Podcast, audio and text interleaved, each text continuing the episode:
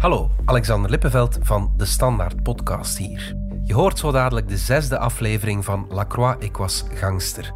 Naast luisteren naar onze journalistiek kan je die natuurlijk ook elke dag lezen. In de nieuwsapp, online of in de krant. Voed je kritische geest met scherpe analyse, nieuwe inzichten en duiding bij de actualiteit.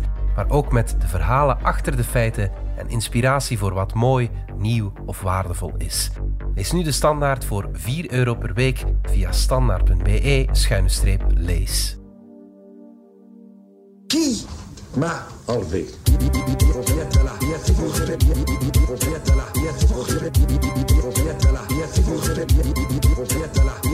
Zomer 1989. België is in de ban van nieuwe muziekgenres als New Beat en Acid House. In Brussel scoren een paar muzikanten een hit met Key Qui m'a enlevé over de ontvoering van VDB. Des courses, je suis resté en chemise et en caleçon. Aan de overkant van de oceaan maakt Colombia het bloedigste jaar in zijn recente geschiedenis mee.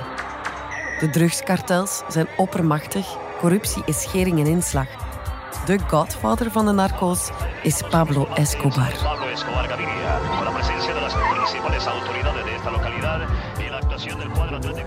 In augustus wordt presidentskandidaat Luis Carlos Galán doorzeefd met kogels tijdens een verkiezingsbijeenkomst. civismo, nacionalismo, programas sociales. Hij overleeft de aanslag van de drugskartels niet. In Colombia wonen ook Marc van Dam en Philippe Lacroix Iedereen was opgepakt, behalve Mark en ik. met hun gezinnen. Want ik ging daar omdat het enige land was waar ik iemand kende die me originele papieren kon geven. Originele papieren, maar wel natuurlijk met een valse naam. Maar dat moet in zo'n situatie. Officieel is Lacroix vanaf dan een Colombiaan. Dat was meer dan identiteitskaart, dat was een echte identiteit. Ik was in de interne databank, ik had mijn vingerprinten. Ik was daar zoals ik daar was geboren. Met een echte moeder en vader, met echte documenten. In Colombia heet Philippe Lacroix Juan Felipe Castillo González. Juan Felipe, dat is bijna mijn naam. Vivo in Bogota. Het is de zoveelste van zijn vele aliassen. We waren aan het vluchten. Ik moest van identiteit altijd veranderen. Ik had 600 paspoorten, denk ik. ja. Dus eh, De eerste keer veranderde hij zijn identiteitskaart met zwarte stift. mijn naam was Lacroix en ik had dat in Placroix veranderd. Didier Dosi Dosi Dominique Godefroy Michel Perrault Moreno Jacques Philippe Paul Filippo Cloutier Santa de Blues Felipe Michel van der Was jij gelukkig? Was Corinne gelukkig? Voor het eerste jaar, nee. Ik zou zeggen dat het eerste jaar was heel moeilijk voor iedereen. Ze kennen de sociale codes nog niet, dus het begin is nog wat zoeken. Mijn dochter werd tien of elf. Dat was haar verjaardag. We uitnodigden de hele klas. En iedereen zegt ja, natuurlijk. Dus we decoreren het appartement enzovoort. Alles is voorbereid. We wachten twee uur. Niemand komt. Drie uur. Niemand komt. Door de hele dag. Dat begrepen we niet. En natuurlijk was onze dochter heel eh, verdrietig. Wij wisten niet waarom. Waarom? In Colombia speelt het sociale leven zich voor een groot stuk af in zogenaamde clubs. In de country club of in de rancho club. Om lid te mogen worden moet je een fix bedrag neertellen 10.000 dollar of 20.000 dollar betalen. en een peter hebben. Een godvader, een, eh, een Peter. Ja? Bovendien hangt de club een maand lang een affiche uit waarop je alles over jezelf moet prijsgeven. Ja.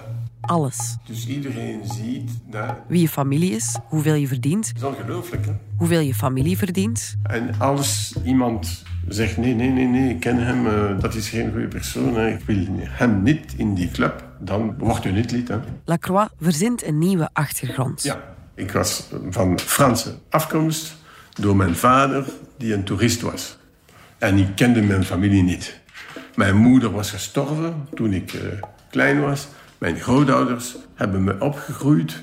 En ze zijn ook gestorven, dus ik heb niemand meer. En, pst. Het lukt. Ze mogen zich aansluiten bij de Rancho Club van de eigenaar van de manege waar Fanny en Corine paardrijden. Vanuit dat moment ging alles heel goed. Dat was paradijs. Paradijs omdat we vrienden hadden. En ik was daar aanbevolen door de directeur van Air France. Rond die tijd raken Juan Felipe Castier González en Corinne Bode bevriend met drie hooggeplaatste Fransmannen. De directeur van de Alliance Française, iemand die op de Franse ambassade werkt en tot slot de directeur van Air France in Bogota. De directeur van Air France was lid van de, van de club. En dus hij was mijn Peter. Dus uh, was allemaal goed geregeld. ja, Die relaties zullen een zegen, maar ook een vloek blijken.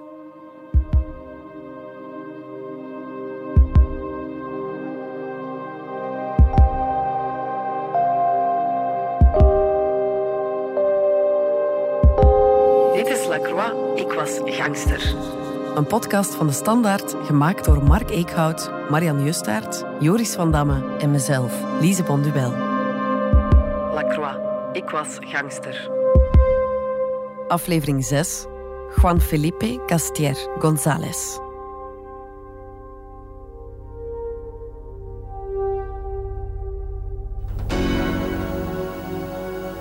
Dames en heren, een zeer goede avond. Patrick Hamers is weer op Belgische bodem. Het is een vrij ingewikkelde terugkeer geworden, maar hier volgen toch de beelden. Een goed gemutste Patrick Hamers, een glimlachende Denise Tiak en een iets wat somber kijkende Axel Zijen poseerden gisteravond in Recife welwillend een laatste keer voor de pers. En dan was het Braziliaanse avontuur voorbij.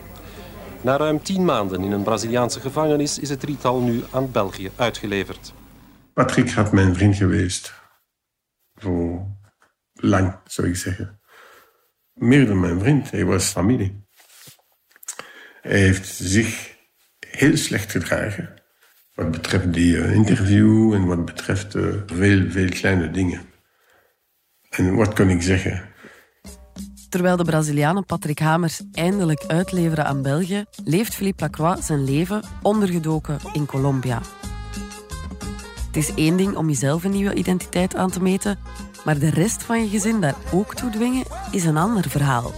En al zeker met een dochter van 10, 11 jaar.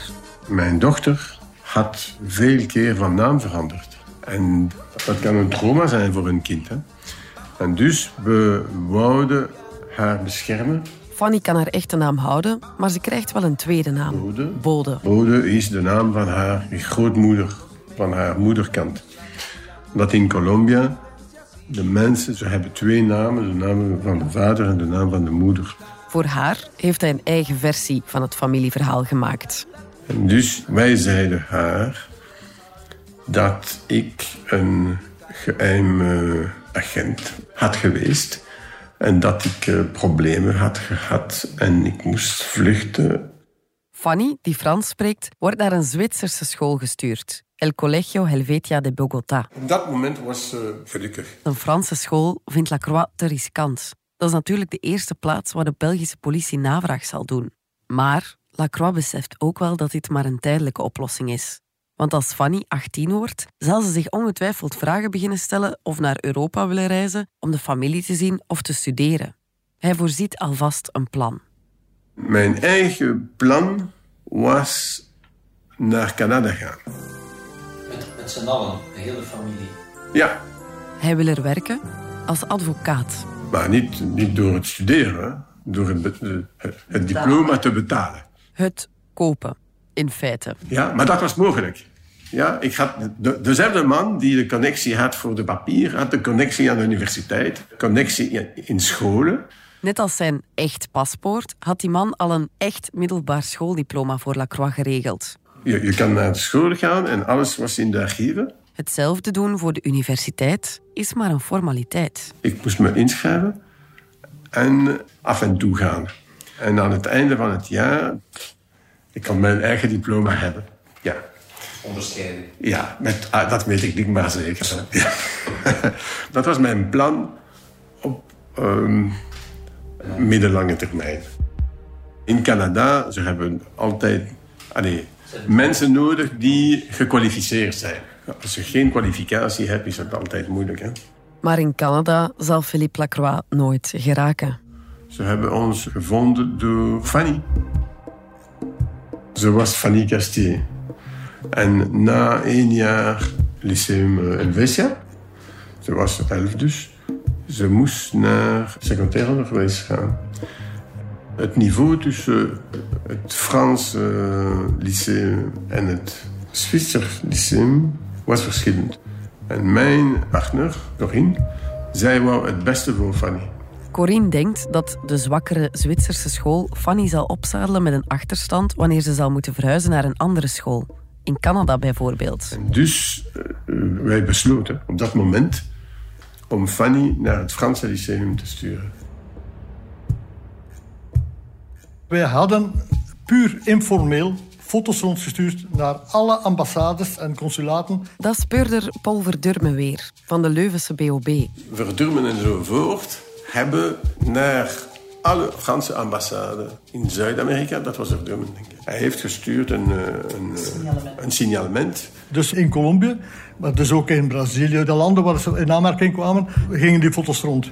Zeggend dat zeker met mijn persoonlijkheid en degene van Corinne, wij zouden zeker onze dochter in een Franse lyceum ingeschreven. En die heette Fanny Castier. 13 november 1990. Op de Franse ambassade in Bogota zitten zo'n vijf mannen rond de vergadertafel. Ineens begint het faxapparaat te piepen en rolt er een fax binnen uit Europa met een signalement van een voortvluchtig gezin. Het gezin Lacroix-Castier. De ambassadeur zei: Ja, ik heb een uh, signalement gekregen. Kent iemand hier een Fanny Castier? De vader van het gezin, ene Philippe Lacroix, wordt kennelijk verdacht van overvallen met dodelijke afloop, ontvoering en terrorisme.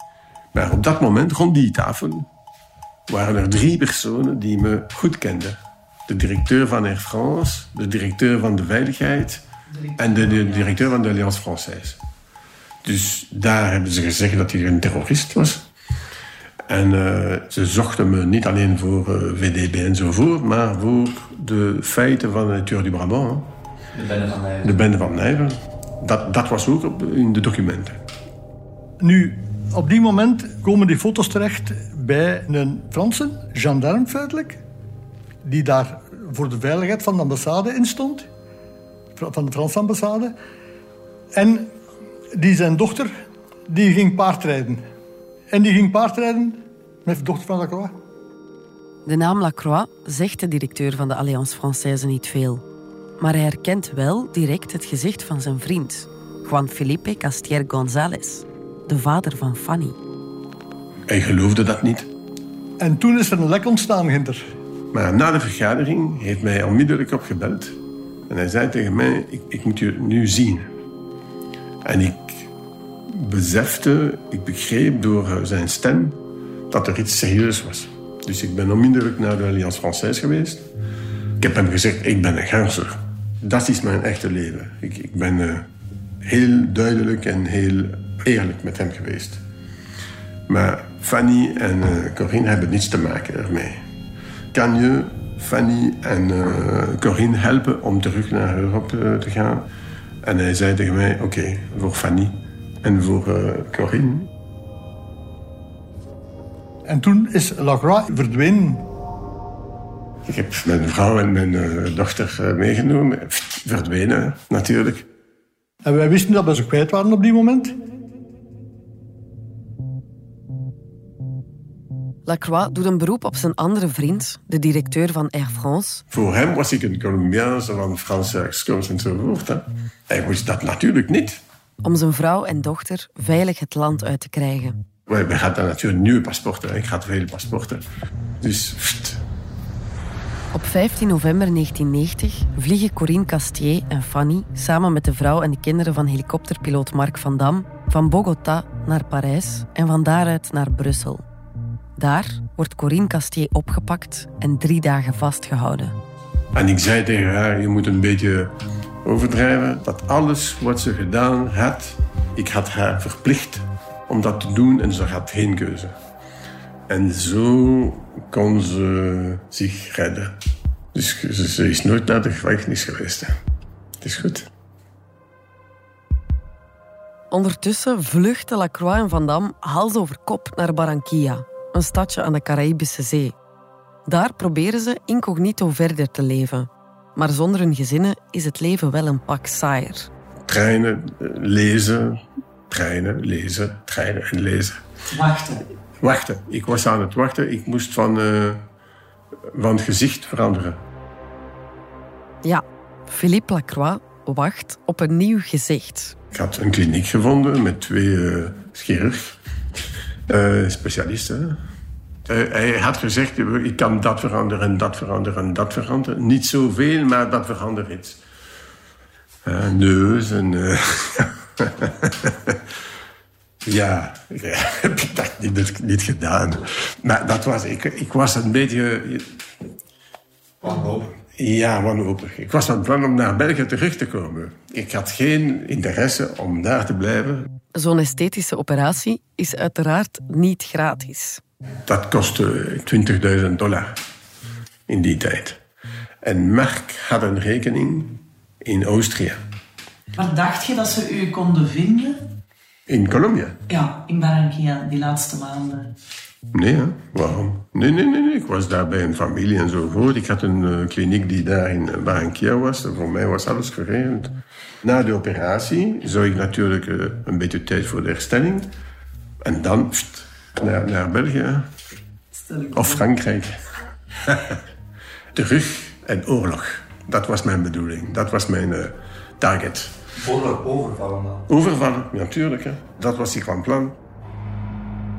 De cel Gamma met Paul Verdurme heeft nu Colombia als laatste aanwijzing. Om de twee voortvluchtige mannen te vinden, volgen de speurders deze keer een gouden regel. Follow the money. Wij hadden vanuit eh, Oostenrijk hadden we dus signalen gekregen via de politieman dat er in een bepaalde bank een verdachte transactie gebeurd was. En eh, dat geld dat zou overgemaakt worden naar Zuid-Amerika. Dat geld moest passeren via een bank in New York. Dat was een soort systeem dat de narco's gebruikten. Narcos is de afkorting van narcotraficantes, drugshandelaars. Het geld ging naar de Verenigde Staten. Ik weet niet wat gebeurt. Maar dan is het weer teruggestuurd naar Colombia. De speurders kennen via via de directeur van die bank. Ze krijgen hem zover om het geld van de gangsters te blokkeren. Tot op het moment dat zij vanuit Colombia zeiden... Ja, waar, waar blijft ons geld? Wat scheelde dat? Dus er werd gebeld naar die bank. Mark van Dam belt naar de bank, En hij zei, ja maar het geld komt hier niet. waarop de bank hem vraagt. Waar zijn jullie in feite? Van Dam geeft een adres Van Barranquilla, ja. in Barranquilla. En de datum, die dag, om dat uur, zal ik daar zijn om dat geld daar op te pikken. Zo duidelijk was het gezegd. En de politie was eh, klaar, hè? ze was voorbereid. Maar Maar wij konden daar op die moment niet zijn, want er bestaat dus geen, geen samenwerkingsverdrag tussen Colombia en tussen België. Hè? En dus wij moesten echt rekenen op de goodwill van de Colombianen. Toen we daar aankwamen, gevolgd geweest door de politie, vielen ons aan. En die hebben die gewoon opgepakt. En dat is het, hè? we waren gearresteerd. Het was s'nachts, kwart na drie zeker, als ik telefoon gekregen heb. We hebben ze. 18 maart 1991. Lacroix en Van Dam worden gearresteerd in Barranquilla. Dat was voor mij gedaan. Dat wist ik. Hebben jullie een verzet, geweerstand geboden? Ja, ik heb gezegd, ja, kunnen we overeenkomen? Kunnen we... Nee. In Colombia, je kan alles doen. Dat is corruptie. Hè? Maar dat moet op voorhand plaatsvinden. Niet in de actie. Corruptie, dat is nooit te laat. Je moet dat plannen, je moet dat regelen, maar niet tijdens een actie, dat is niet mogelijk. Niet dat de Colombiaanse politie geen geld aanneemt van criminelen. Integendeel. Ze doen wat ze willen. Dat is eh, normaal daar. Lacroix weet wel hoe de grote drugsbaronnen aan de politie ontsnappen. Pablo Escobar is veel keer van de politie ontsnapt. Elke telefoontje was 2 miljoen dollar. Elke telefoontje. Dus hij kreeg een telefoontje. Ze zijn aan het komen. Oké, dat is 2 miljoen dollar. En hij kreeg dat uh, vaak. 2 miljoen, 2 miljoen, 2 miljoen, maar voor hem dat is niks. Maar ik 2 miljoen, 2 miljoen, dat heb ik niet. Hè. En alles stond op rekening. Zij hadden miljoenen in plastic zakken begraven in de, in de grond. Hè. Toch is Lacroix voor de Colombiaanse politie een dikke vis. Ze stoeven er graag mee dat ze hem gevangen hebben. Ze schilderen hem af als een internationale terrorist die meerdere aanslagen gepleegd heeft. Those criminal was thinking to make terrorist actions with the most important personalities in the Colombian government. Een man ook die in de miljarden zwemt. De Belgische Pablo Escobar. Het duo is vanuit Brazilië Colombia binnengekomen via de fameuze cocaïne-driehoek. Ze zouden in Medellin zijn geweest bij het drugkartel van Pablo Escobar. Drughandel dus, de tweede beschuldiging. Aan geld heeft het ze alvast nooit ontbroken. Het financiële netwerk dat ze draaiend konden houden... doet de speurders zelfs denken dat er nog kopstukken van de bende op vrije voeten zijn. Lacroix en Van Dam zouden zelfs, wellicht in dienst van het drugkartel... aanslagen of ontvoeringen aan het plannen zijn geweest. Dat is de versie van de Colombiaanse politie. Heeft Lacroix echt banden met de drugskartels? Zelf ontkent hij in alle talen. Heb je nooit overwogen van de drugs te gaan smokkelen? Nee, dat heb ik nooit gedaan. Ik heb nooit drugs gebruikt. Ik ben bang van die dingen. Nooit op, in die tijd en nooit later. Het bewijs? Op een gegeven moment betaalt een Colombiaanse connectie, voor wie hij een en ander gefixt heeft, hem terug in kilo's cocaïne. Hij zei tegen mij, ik moet u 2000 dollar. En hier, ik heb geen geld, maar ik heb 2 kilo cocaïne. En ik heb gezegd tegen hem, ja, voor mij is er geen verschil tussen dat, suiker of zout. Ik kan het verschil niet uh, maken. Ik, ik, dat is mijn uh, leven niet. Dat zijn mijn producten niet. Ja, maar je kan dat naar België sturen of zo. Maar nee, dat zal ik zeker niet doen. Maar de veiligheidsdiensten in Colombia geloven er niks van. Die man waar ik woonde, hij wist niets, niets over ons. Maar zijn huis was vernietigd omdat ze dachten dat ik uh, misschien miljoenen had daar. En ze, ze zochten naar het geld. Achter de muren was iets. Ze, ze hebben het huis vernietigd. En waar zat uw geld dan? Ik had geen geld. Hè. Ik had, ja, uh, ik weet niet, enkele duizenden dollar en dat is het. Hè. En alles stond op rekening. De Belgische speurders spreken met hun Colombiaanse collega's af dat ze Lacroix en Van Dam in het geheim komen ophalen. In ruil mogen de Colombianen de pluim van de vangst op hun hoed steken. De gangsters Philippe Lacroix en Marc van Dam worden opgehaald in Bogota. VTM volgt de arrestatie op de voet. Colombianen hebben duidelijk grote haast om van Lacroix en Van Dam af te zijn. Net als Hamers hebben de twee al geprobeerd om zich vrij te kopen. Vijf miljoen de man hebben ze de drie agenten geboden... die de gangsters van Barranquilla naar Bogota hebben gebracht. Maar die zijn niet op het aanbod ingegaan. Het risico dat een gevangenisbewaker dat wel zou doen... is blijkbaar te groot. Ze hebben ons in een grote kamer gebracht, in de gebouwen van de DAS. De DAS is de Colombiaanse inlichtingendienst. En daar was de pers, de media. En er was mijn foto en Mark, een echte foto van mijn maten. Dus een foto van 1,80 meter hoog. En dat was een show. En, en zoals een trofee zeggen, wie hebben we... Dus er waren alle journalisten daar.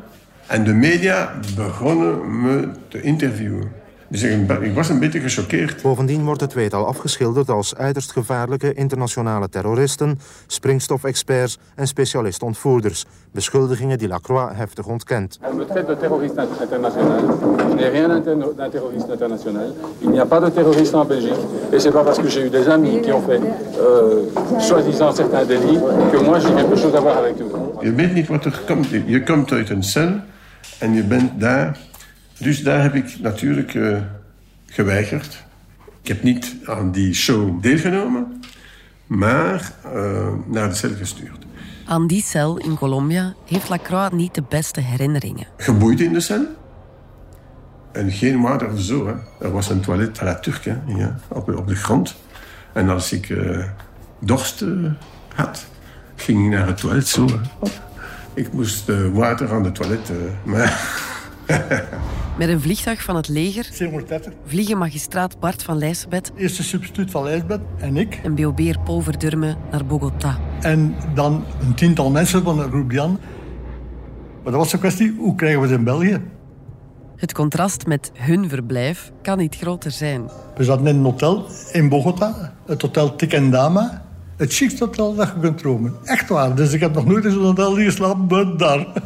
Ik kon moe worden met rond mijn bed lopen. Zo groot, zo groot als mijn kamer. Het heeft wat voeten in de aarde. Ik had hem nog niet gezien. Ik heb hem de eerste keer maar gezien. In het vliegtuig, in de C-130.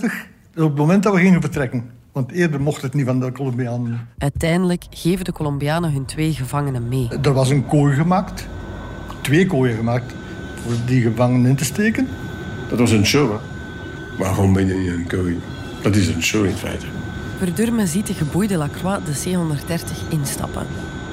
Een paar jaar eerder, na de bevrijding van Hamers in Leuven, moest hij Lacroix nog laten gaan, bij gebrek aan bewijs. Ik ben hem gaan opwachten aan de gevangenis. Ik was een beetje gefrustreerd, zal ik zeggen. hij deed Philippe Lacroix toen een belofte. Ik heb hem toen gezegd, luister, ik doe u een belofte. Wij gaan elkaar terugzien. En dan is het mijn tour. Zo, zonder meer. En als ik hem dan zag, dus in Bogota, op het moment dat hij in die kooi op het vliegtuig zat, bekeek hij mij en zegt hij, Monsieur Verdurme, je le savais. Meneer Verdurme, ik wist het. Droogweg, niet meer dan dat. Ik, ik herinner me niet. Nee. Dat is te weg. Voor mij is dat geen goede maar nee, souvenir. Zeg ik. Maar dat was ook... Je bent een beetje onder shock, hè als dat gebeurt.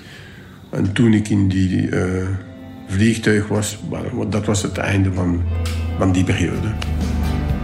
Consider this, consider this, hint of the century. Consider this, slip that brought me to my knees, pale. Eind maart 1991.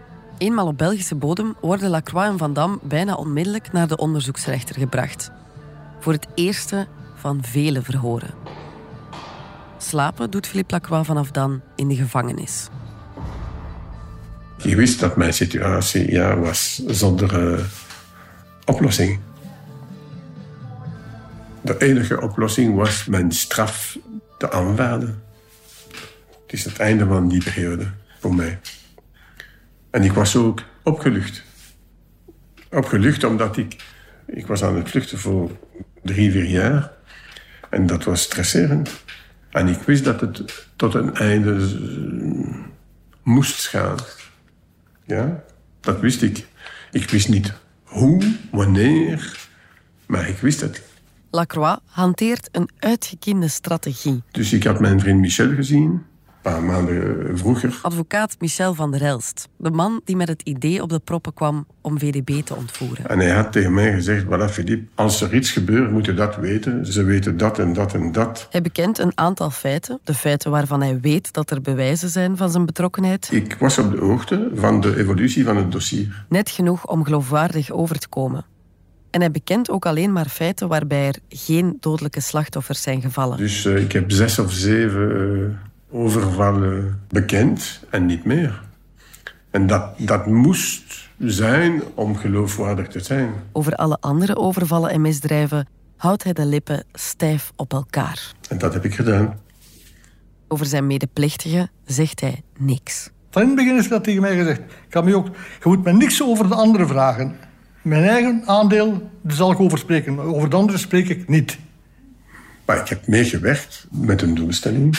En de doelstelling was zoveel mensen mogelijk te kunnen redden. En dat was zo. Ja, je moest dat ook, men moest dat ook respecteren. Als je een dialoog wilde met hem, dan moest het op die manier gebeuren, want anders ging het niet. Hij had zich voorgenomen om zijn straf te aanvaarden, maar in de gevangenis heeft Philippe Lacroix het moeilijk. Omdat ik in de gevangenis zat in een strikte regime. Ik zag mijn advocaat uh, elke dag. En ik zei, maar hoe lang zal dat duren? Onbepaald onbepaalde duur. En jij was 30 jaar? Ja, en ik was 30. Dat strikte regime is mentaal enorm zwaar. Dus je bent in een cel, 23 uur per dag. Je ziet niemand.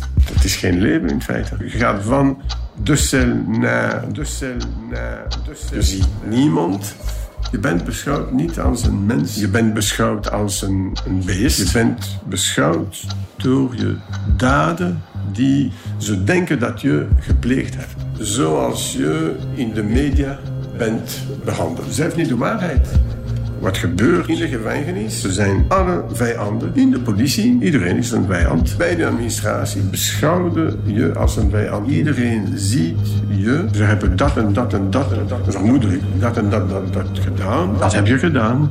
Ze zeggen dat je een heel gevaarlijk man bent, dan ben je heel gevaarlijk. Dat is een imago, een personage. Dat is onmenselijk. Ja, maar wat, wat is juist hier?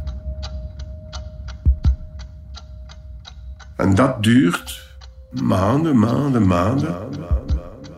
Gevangenis is een tijd waar je bent tussen leven en dood. Je, leeft niet. In feite, je, je leeft niet. Maar ik ben maanden zo gebleven. Ja? Je, je moet perspectieven hebben en je moet denken dat het mogelijk is om weg te gaan. Dat is een, een, een reddingswerktuig. Dat is een overlevingsstrategie, ja. En dan, ik had dat aanvaard om mijn straf te accepteren. Maar na een paar maanden, ik moet weg. Ik moet weg. En dus ik ben weggegaan.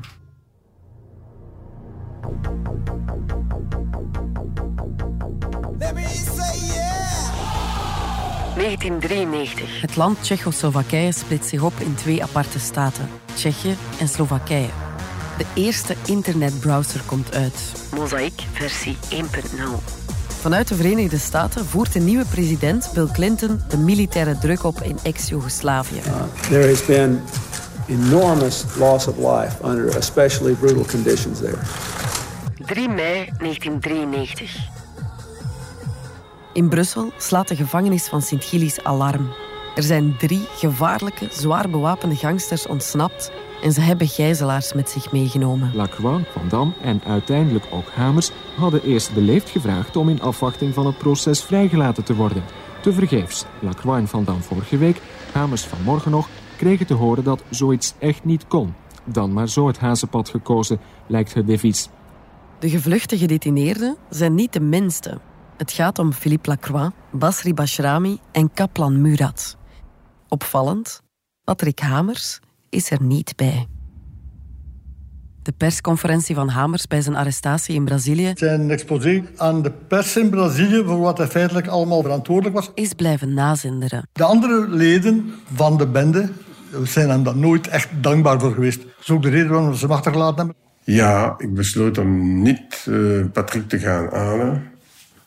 Als ik Patrick had laten gaan halen, dan zou Tosca onmiddellijk hem vermoord. Ik wist het. Ik ben er zeker van, hij had hem vermoord. Dus ik heb zijn leven gered. Hij had jullie allebei verraden op zijn persconferentie in Brazilië. Nou, voor mij was dat, dat was geen reden om hem te vermoorden. Eh, stomme dingen, nou, oké, dat was een fout, maar... Was er reden om hem niet mee te nemen? Nee. De enige reden was, ik wist dat Tosca nooit zou hem dat vergeten. Stel je had je vlucht geregeld met iemand anders dan Tosca, dan had je Patrick Hamers wel meegenomen. Dat weet ik niet. Dat weet ik niet. Ik ben er niet zeker van. Zonder Hamers, maar met Basri Bashrami en Kaplan Murat, ontsnapt Lacroix uit de gevangenis van Sint-Gillis. Niettemin blijven de talrijk opgekomen journalisten dus, net zoals u, met vele vragen zitten. Hoe geraken gedetineerden aan wapens? Waarom zitten zo'n gevaarlijke gangsters in één gebouw samen? Kortom, hoe is zo'n ontsnapping eigenlijk mogelijk? Het is de climax van een dagenlange voorbereiding. Mijn vrouw, mijn ex-vrouw, ze komen me halen om naar het bezoek te gaan. Wist zij van het plan? Ja, natuurlijk. Eerst komen ze Lacroix halen voor het bezoek. En ik had een pistool. In je cel. Ja, dat was een plastic pistool. Dat was niet, geen echte pistool, maar niemand wist het. Die was vroeger in de douche verborgen.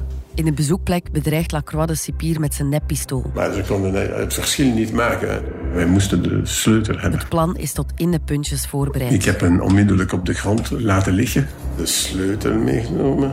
Dan Kaplan kwam.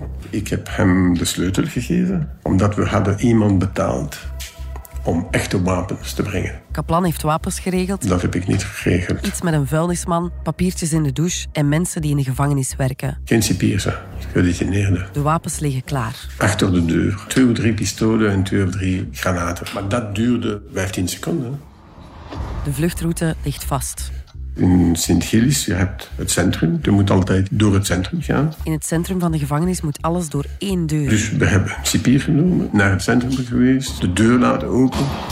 En daar waren we in die gang. De gang met het lokaal waar Lacroix normaal zijn advocaat ziet. Ze hebben er afgesproken met Tosca. Tosca was er niet. Terug naar binnen dus. Terug naar de vleugels waar hij was. We hebben twee drie uh, cellen geopend. Waarom dit? We hebben de sleutels aan de gedetineerden gegeven. Dat was niet gebeurd, dus ze konden alle cellen open. En terug naar buiten. Naar het SAS, de sluis tussen de gevangenis en de buitenwereld. Daar natuurlijk wisten we dat de politie al op de hoogte was en het was te gevaarlijk om direct naar buiten te gaan. Ze bevelen iemand om de vluchtauto te gaan halen. Een zware BMW met op de achterbank een sporttas met een riot gun. Je moet die auto gaan halen, anders zullen we iemand uh, schieten. Je hebt, ik weet het niet, twee minuten of zo. Dus hij kwam onmiddellijk natuurlijk.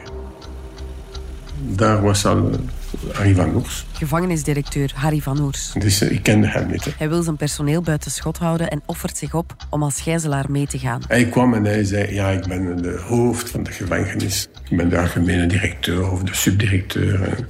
Laat maar mijn staf gaan en ik zal hem plaatsnemen. Ik heb hem gezegd, ja natuurlijk, je plaatst jezelf in het midden en daar ben je goed.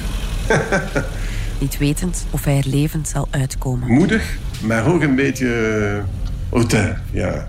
Om niet beschoten te worden, hebben de zwaar bewapende gedetineerden hun voorzorgen genomen. Van Oers zit op de achterbank met de riotgun in zijn ene kaak geduwd ja. en een granaat tegen de andere. Een gegijzelde cipier ligt over de vooruit als levend schild. Wij zeiden, wij moeten iemand hier hebben. Het idee kwam van kaplan Murat. En volgens mij was dat een goed idee. Dat te veel politie en scherpschutters er, waren. Er. Als ze ons geschoten hadden, waren we al doden. We hebben granaten en die granaten waren open. Die zal ontploffen binnen de auto. De volgepropte BMW rijdt het sas van de gevangenis van Sint-Gilles buiten. Als de politie gedacht had dat het mogelijk was ons te schieten zonder risico voor de anderen, dat hadden ze onmiddellijk gedaan. Niemand durft te schieten. Er was geen plan. Ik, ik wist dat het nergens kon leiden. Maar nergens is beter dan de gevangenis. Onderweg gijzelen ze een gezin in Kortenberg om er van kleren te wisselen en een aspergeboer in Tremelo om even uit te rusten. Daar laten ze Van Oers gekneveld achter. Elf uur na de ontsnapping. Ze zijn vrij.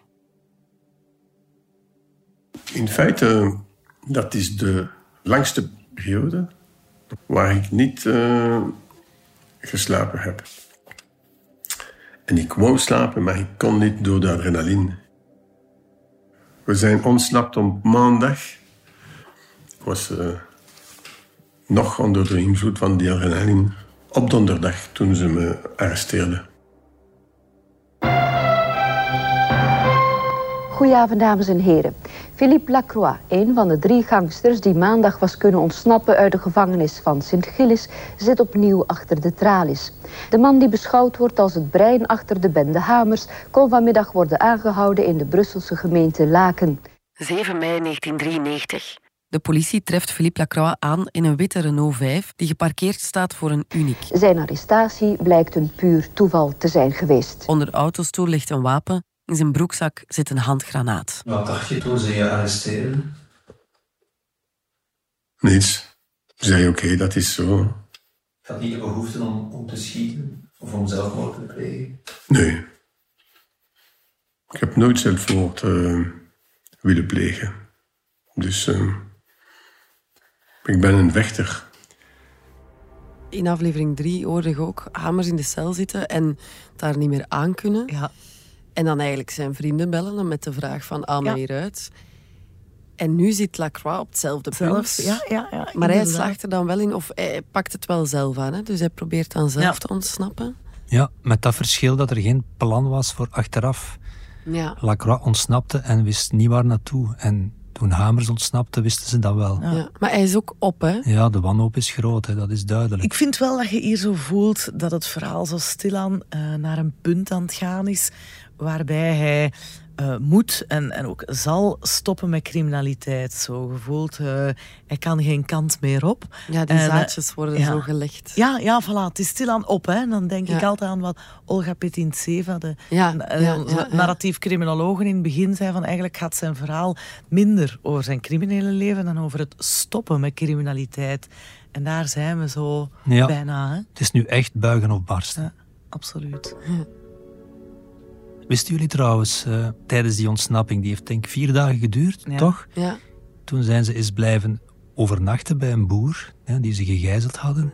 En die man die teelde, als ik me niet vergis, asperges of witloof. Die heeft- achteraf interviews gegeven in de pers. En als gevolg daarvan heeft hij een eh, aanslag gekregen van de belastingen. Nee. Omdat hij dus zijn asperges of witlof niet had aangegeven bij de belastingen. Echt Belgisch verhaal.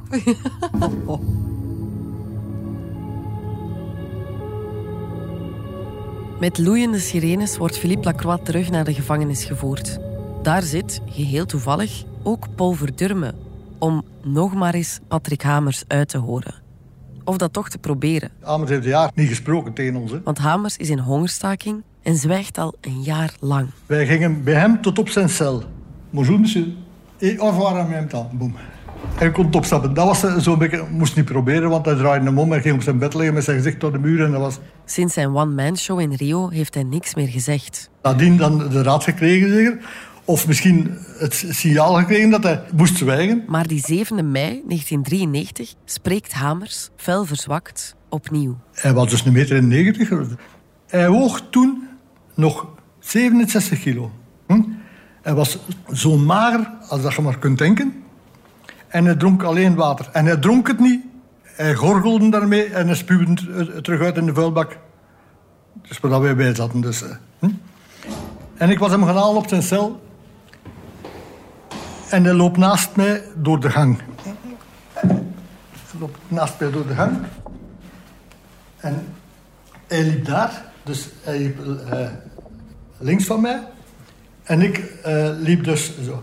En we stappen door de gang. En plots, plots zo, zonder enige aanleiding, legt hij zijn arm zo rond mij, maar onder mijn arm door. En hij zegt, ah, tu n'es pas armé aujourd'hui. Alsof dat wij ooit gewapend zijn in het cellulair. Hè? Maar hij, had zich even kunnen, kunnen tonen zo. Hè? En we gaan, we gaan verder. En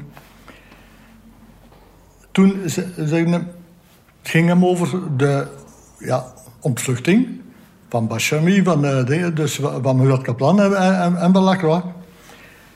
En ik zeg hem, ja, en waarom, waarom ben jij niet meegegaan? En hij antwoordt daar niet rechtstreeks op.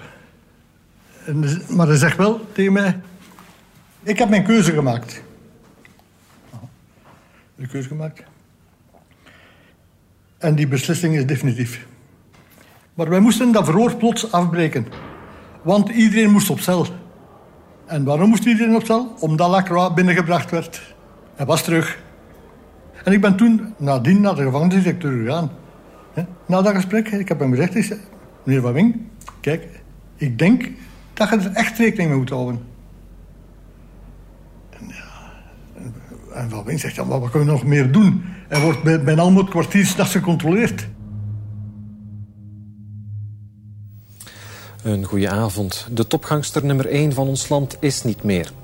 De voorbije nacht heeft Patrick Hamers zelfmoord gepleegd in zijn cel in de gevangenis van Vorst. Hij was 40 jaar. Hamers had zich om drie uur in zijn cel gebarricadeerd. Zijn bed, zijn tafel en zijn stoel had hij voor zijn celdeur geschoven. Op 14 mei 1993 wordt Patrick Hamers dood aangetroffen in zijn cel.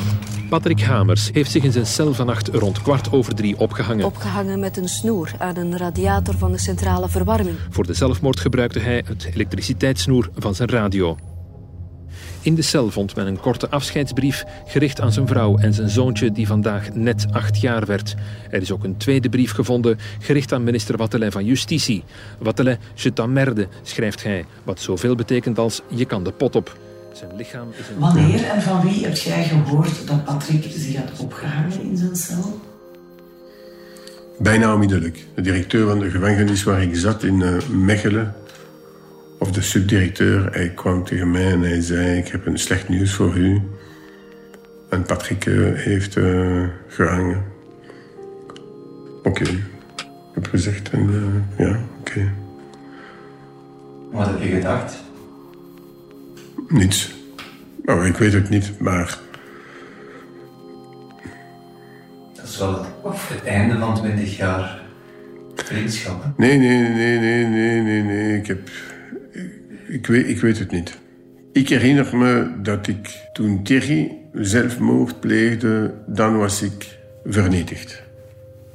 Ik was heel, heel verdrietig. Ik was gechoqueerd. Ik was, uh, ik was geraakt. Toen Patrick dat deed, volgens mij was het soort, een, soort, een van de mogelijke gevolgen. Dus natuurlijk, ik was waarschijnlijk verdrietig, maar niet voor hem. Voor zijn zoon. Dus zijn familie. Voor hem, ik was niet verbaasd in feite.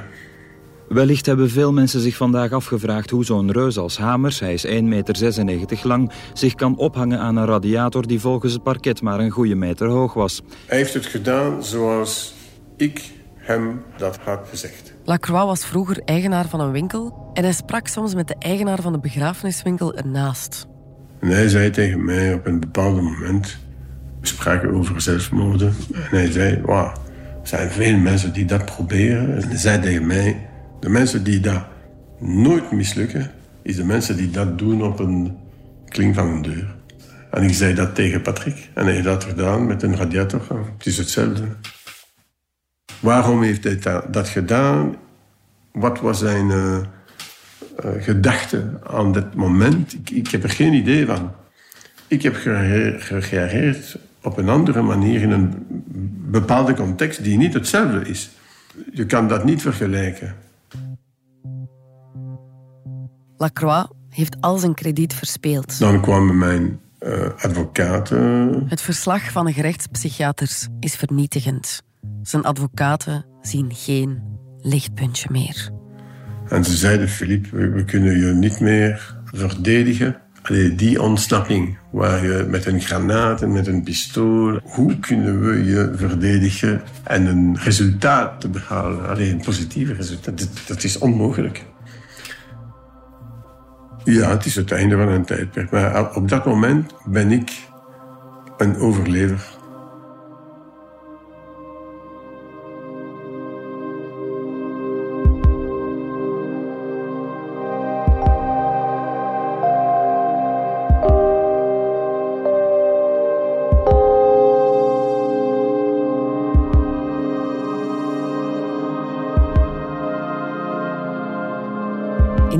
Aflevering van Lacroix, Ik was gangster. Oké, overleven. Dus oefenen, niet te veel nadenken, lezen, ik weet het niet, studeren. Push-ups, pull-ups, sit-ups. En uh, ja, dat is het. Dat is te vergelijken met de periode wanneer je aan het vluchten bent. Je, je bent niets aan het bouwen, je beheerst niets. Je bent daar en je moet overleven. In deze aflevering kwam zelfdoding ter sprake. Heb je vragen over zelfdoding? Dan kan je terecht bij de zelfmoordlijn op het gratis nummer 1813 en op www.zelfmoord1813.be. Je hoorde een podcast van de Standaard. Alle credits kan je vinden op standaard.be-podcast. Wil je Philippe Lacroix nog beter leren kennen? Blijf dan zeker luisteren. En laat ons gerust ook weten wat je ervan vindt.